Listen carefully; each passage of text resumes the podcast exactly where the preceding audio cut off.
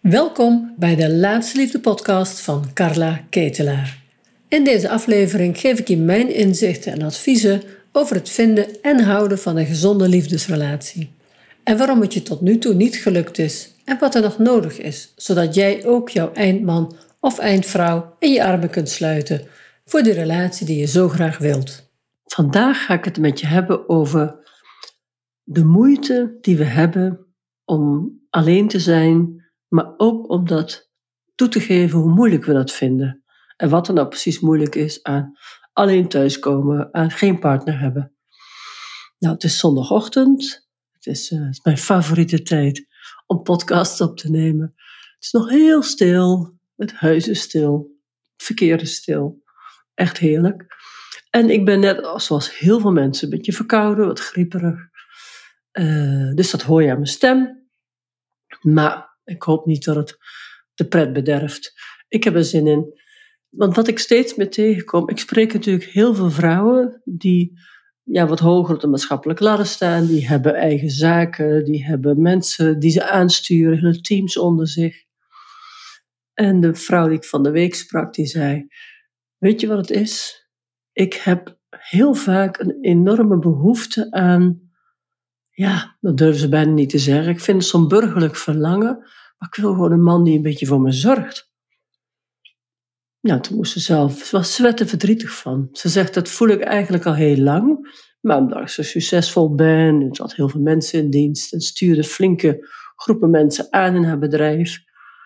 Dan zegt ze, maar dit stuk, ja, ik, ik vul ook heel erg zelf in wat mensen van mij verwachten. Mensen verwachten van mij dat ik flink ben, dat ik het allemaal alleen red. Ik ben ook altijd het langste aanwezig op het werk. Dus ik, ga, ik ben eigenlijk als laatste die altijd vertrekt. Dus zij weten niet beter dat ik er heel veel ben, heel erg aanwezig ben en dat ik de dingen oplos. Maar wat heel veel mensen niet beseffen, is dat ik het in mijn privé veel moeilijker vind om op te lossen. Want daar heb ik, net zoals ieder mens, ook een verlangen om me over te geven aan ja, thuiskomen, aan de liefde, aan Iemand die voor me zorgt, iemand die is voor me kookt, die de arm om me heen legt, die zegt: Goh, hoe was het nou? Hoe, was de bestuursvergadering? Of, of een ander iets natuurlijk.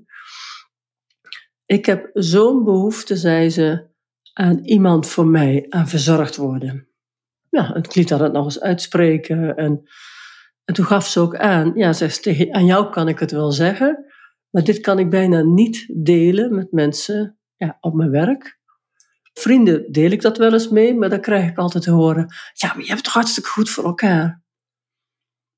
En wat zij aangaf, en dat is wat ik veel hoor tegenwoordig, als je het gewoon goed geregeld hebt, je woont lekker, je hebt een leuke sociale kring, je werk, je financiën zijn op orde, dat je, is net alsof je dan dit niet moeilijk mag vinden. Je hebt toch geen klagen? Nou, en dat is het ook. Je klaagt niet, maar je wilt eigenlijk je verlangen ook eens uiten of je, je delen wat jouw diepere behoefte is. En het is bij iemand thuiskomen.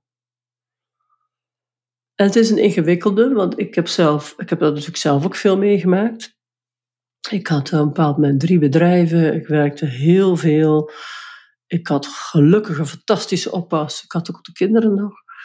Uh, die waren dol op de oppas. Dus ik kon redelijk zonder schuldgevoel. Dat was echt een soort oma voor ze. Dat was echt heerlijk. Ze komt met kerst weer bij ons. Dus de kinderen zijn al ver volwassen. Maar ze is altijd in ons leven gebleven. Dus dat maakte voor mij ook dat dat werken kon. Maar net zoals heel veel vrouwen had ik er natuurlijk ook schuldgevoel over. Maar even terug naar dat alleen zijn. De kinderen waren ook regelmatig bij mijn ex-man. En vooral die momenten altijd dat ik dan thuis kwam na een lange werkweek, na nou, intensief werken gewoon, veel naar buiten, veel buitengericht. Ja, kwam ik toch weer alleen thuis. En ook als de kinderen er wel waren, dan was ik toch degene die de weekenden een beetje gezellig maakte. Dus dat was altijd, het leunde altijd op mijn schouders, zowel op mijn werk als thuis. En ik herkende zo haar verlangen nou, dat het eens even niet alleen op mijn schouders zou liggen. Nou, twee keer een burn-out gehad, overspannen geweest. Het hoorde daar allemaal bij. En een deel daarvan kwam ook omdat ik zo geïdentificeerd was met die flinke vrouw. Als mensen je altijd zien als flinke, je, zet, je gaat het ook neerzetten. Je gaat ook, ik weet natuurlijk wat het eerste is. Ik denk dat ik al flink geworden ben vroeger thuis. Nou, dan doe ik het wel alleen. Daar start je meestal al. Uh, dus die flinke kant, die zet je zo neer in het leven dat anderen ook jou heel erg gaan zien als die flinke vrouw. Ik ben er ook nog heel lang bij. Ik ben bijna 1,90 meter, 1,88 om precies te zijn. Nou, dat roept ook altijd op, vrouw, die redt zich wel. Maar ik had ook behoefte aan mijn hoofd op mijn schouder te leggen. Ik wilde ook klein kunnen zijn. En dat is een hele lastige, als je altijd die flinke ja, kant als eerste paraat hebt. Want zo is het eigenlijk. Het is ook niet dat de anderen iets fout doen, maar het is meer wat laat je het gewoonte altijd als eerste zien? Nou, dat is de kant die zich wel redt. Want ja, je wilt ook niet dat een ander je zielig vindt of uh, ja, een ander met je te doen heeft. Ja, ik ben nou een beetje op mezelf aan het voelen hoe dat, toch ook, hoe dat toen was. Ja, er zat ook iets in van, joh, ik, met mijn bedrijf ging het heel goed, het was succesvol. Uh, nou, ik, hou van, ik hou van het ondernemerschap. Dus dat, dat lukte ook. Uh, daar was ik dus heel blij mee en trots op. En ik had ook wel heel veel last van dat dat andere stuk in mijn leven niet lukte. Dat liefdesleven. Dat vond ik een hele lastige.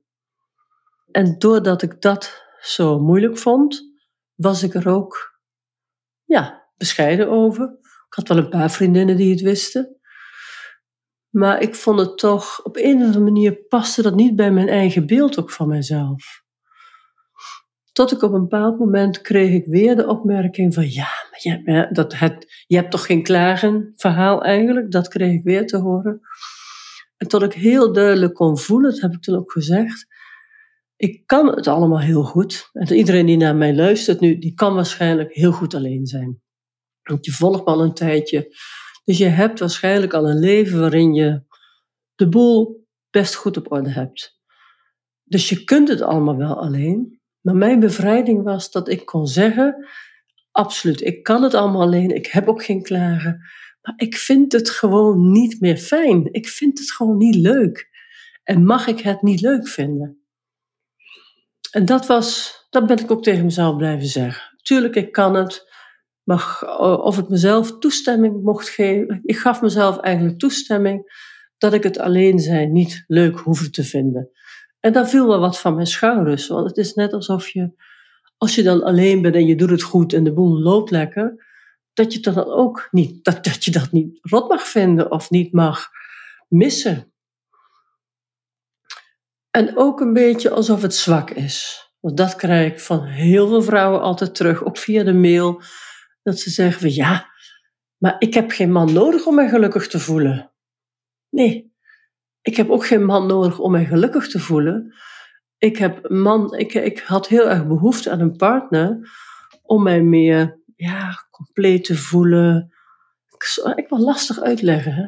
Waarschijnlijk heb je jezelf ook wel een gevoel over als je nu luistert. Uh, het wordt altijd een beetje beschuldigend gebracht. Alsof, uh, ik moet even goed zeggen dit, alsof het verlangen naar niet meer alleen zijn of het verlangen naar samen eigenlijk iets zwaks is. Want waarom zou je? Ik heb het zelf, ik heb, ik ben heel gelukkig in mijn eentje. En even voor alle duidelijkheid, mensen hoeven van mij niet allemaal een relatie. Hè? Ik ben er voor de vrouwen die heel graag een relatie willen en bij wie het niet lukt. Dus ben je die happy single, denk jij van, ik ben er helemaal klaar mee, voor mij is het helemaal goed zo. Heel fijn is dat. En dan ben ik ook heel blij voor jou dat je daar heel goed in voelt. Want dat is helemaal niet mijn missie. Ik hoef niet iedereen in een relatie te helpen. Wat ik wil is dat iedereen toegang voelt tot de liefde als daar een verlangen zit. En dat je niet beperkt wordt door. Uh, dat je niet beperkt wordt door ik weet niet hoe het moet, of ik kom altijd mijn eigen oude dingen tegen, of waarom lukt het bij mij nooit. Dan kan ik je helpen. Maar ben je happy met jezelf? Prima. Dan denk ik ook dat je andere podcasts moet gaan luisteren. Dat is helemaal goed. Dus ik ben er voor de vrouwen die het verlangen naar samen hebben. En ik bespreek nu eigenlijk dat er ook best een beetje schaamte op zit. Want ja, als ik dan zo zelfstandig ben, waarom, waarom doe ik dat? Waarom vind ik dit dan zo moeilijk? Omdat we in dat zelfstandige stuk zitten we altijd heel erg in onze mannenactiekant. Dat hebben we nodig voor werk. De mannelijke energie is de actie, de vrouwelijke energie is verbinding. Even heel zwart-wit.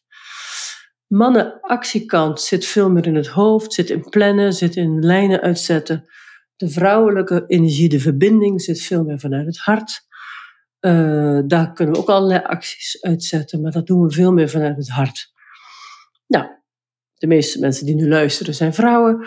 Maar ben jij nu vrouw, dan is het heel belangrijk en logisch dat jouw vrouwelijke energie iets meer aanwezig is in jou dan je mannelijke energie.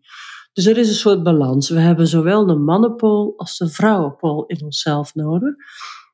Ja, we hebben zowel actie als rust nodig. Hebben we alleen maar de vrouwelijke pool, nou, dan gaan we heel erg in de, ja, dan hebben we veel minder daadkracht. Dan zitten we veel meer in het verbinden. Het zijn ook de mensen die allemaal maar blijven affirmeren, affirmeren en hopen op dingen en geen acties uitzetten. Of je hebt mensen, nou, dat zijn de vrouwen die ik vaak ontmoet, die zitten heel erg in hun actiekant. Dus die hebben veel meer actie op actie. Ik regel het wel, ik fix het wel, alles is te fixen enzovoort. En dan zit je heel veel in je mannen actiekant. Nou, dat, daar is een soort balans in ieder mens, of er is de bedoeling dat er een balans komt in ieder mens tussen de mannelijke pool en de vrouwelijke pool. De daadkrachtige vrouwen die het moeilijk vinden om een relatie te vinden, zitten vaak meer in die mannenpool. Meer energie naar de daadkracht, naar de ik fix het wel kant. En die is meestal ontstaan uit het gezin van herkomst. En in dat gezin van herkomst, het gezin waarin je geboren bent, is waarschijnlijk al, een appel gedaan op die flinke kant. Iedereen kan dat voor zichzelf voelen. Een afwezige vader, afwezige moeder, zieke ouders, zieke broertjes, zusjes. Of oudste kind zijn, dat is ook vaak een extra belasting. Op het moment dat je daarin zit, ga je vanzelf een overlever ontwikkelen die het wel zelf gaat oplossen. Dat weet je, dan weet je zeker dat het gebeurt. Dat doen kinderen automatisch. Nou, vanuit die flinke, vanuit dat je dat hebt meegekregen, is dat ook de eerste wat je inzet als jij in je volwassen leven wilt werken, de liefde wilt vinden enzovoort. Nou, in werk valt dat meestal goed, dan hebben we acties nodig, maar in de liefde, ja, blokkeert het eigenlijk de weg naar de liefde. Nou, als je dan even kijkt naar wat is nou hè, verbindend, zeg maar, de, zachte pool, de vrouwelijke pool en de stevige actiekantpool van de man. Als we moeilijk vinden om toe te geven dat we het alleen zijn dat we daar gewoon moeite mee hebben, dat we dat heel graag anders zouden zien, dan zit je iets te veel in die mannenactiekant. Want verbindend vanuit het hart zou je het gewoon kunnen delen. Dan zou je gewoon kunnen zeggen, ja, ik vind het hartstikke lastig om alle weekenden alleen of s'avonds thuis alleen te komen. Nee, dat zou ik ook wel anders willen. Maar ik begrijp het heel goed, want je zit in een werksituatie waarin je een soort afstand houdt ook. En dat is prima. Het is niet zo dat je dit op je werk hoeft te delen, maar het is wel zo dat je het in de eerste plaats aan jezelf mag toegeven. Dat dat een verlangen is.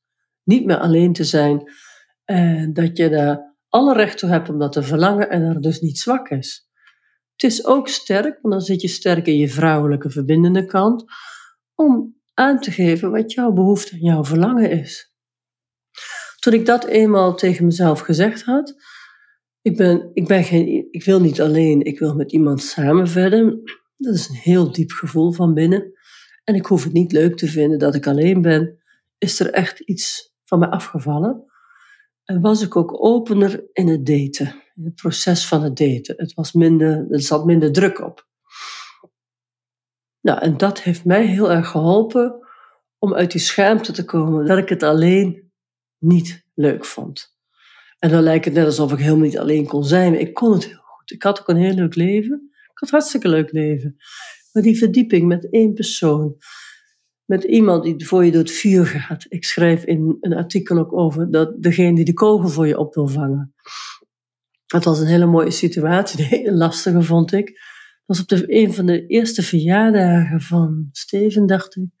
Ik denk dat ze anderhalf, twee jaar bij elkaar waren. Nee, anderhalf jaar. Waarop zijn middelste dochter, boem, eh, eh, heel luid op zo'n verjaardag zegt: Pap, zou je de kogel voor, voor Carla opvangen? Ik dacht, oh, wat een vraag. Zou je de kogel voor haar opvangen? Ik vond het heel spannend en ik vond het ook een beetje. Ah, ik vond het zo persoonlijk. Ik dacht, ja, ik weet niet wat ik allemaal dacht, maar het ging allemaal heel snel. Want Steven zei gelijk, oh ja hoor. Die zei direct ja. Hij zou direct de kogel voor me opvangen. Dat heeft mij heel diep geraakt. Omdat, hè, natuurlijk ging het niet letterlijk over die kogel opvangen, maar dat, dat, je, dat er iemand in mijn leven was, dat is een diepe wens van mij, die zo voor mij zou gaan. En dat, dat door die grappige vraag, confronterende vraag, werd dat in één keer zo duidelijk. En dat heeft mij, dat is denk ik een beetje de bedding, de bedding die ik altijd gevoeld heb. Vanaf dat ik een relatie heb, voelt het anders dan zonder relatie. Dan heb ik het over bergen, berging, geborgen voelen, een bedding hebben, gedragen weten. En je draagt de ander ook. Je, je hebt natuurlijk, de ander kan ook 100% op jou vertrouwen. En je bent er. En zoals je heel erg voor elkaar kunt zijn. En dit is natuurlijk het mooiste verlangen wat er is. Als jij weet, ik ben beter met iemand naast mij, dan kom ik beter tot mijn recht. Dan word ik, ja, ik zie het heel erg dat mijn relatie is een soort springplank naar de wereld. Vanuit die rust, vanuit die liefde, vanuit die geborgenheid, ja, kan ik het allemaal beter word ik een betere versie van mezelf. Ik ben zachter. Ik ben, ja, ik heb gewoon meer te geven. Dat is wat ik heel duidelijk voel. Nou, dus heb jij zelf nu het gevoel van, oeh, is voor mij ook wel een geheim. Dat hele moeite met alleen zijn, hè, dat durf ik bijna niet te zeggen. Laat het achter je, neem een beslissing voor jezelf. Of je er iets aan wil doen, hoe je dat wil doen. Ja, en neem je verlangen serieus en breng het ook naar buiten. Deel het destijds met een goede vriend, vriendin. Maar ga het erover hebben. Ga, ga eens een stapje terug uit die flinke. Op het moment dat je in je zachtheid gaat, kun je ook je verlangen veel beter voelen en toelaten. Heb jij nu besloten, ja, ik wil echt een einde maken aan dit alleen zijn? Ik help je graag verder. Voel jij je aangesproken als daadkrachtige ondernemende vrouw? Herken je je erin dat het lijkt alsof je extra obstakels tegenkomt in de liefde, terwijl de rest in je leven je prima afgaat? Nou, dat klopt dus. Er zijn wetenschappelijke onderzoeken die dit bevestigen.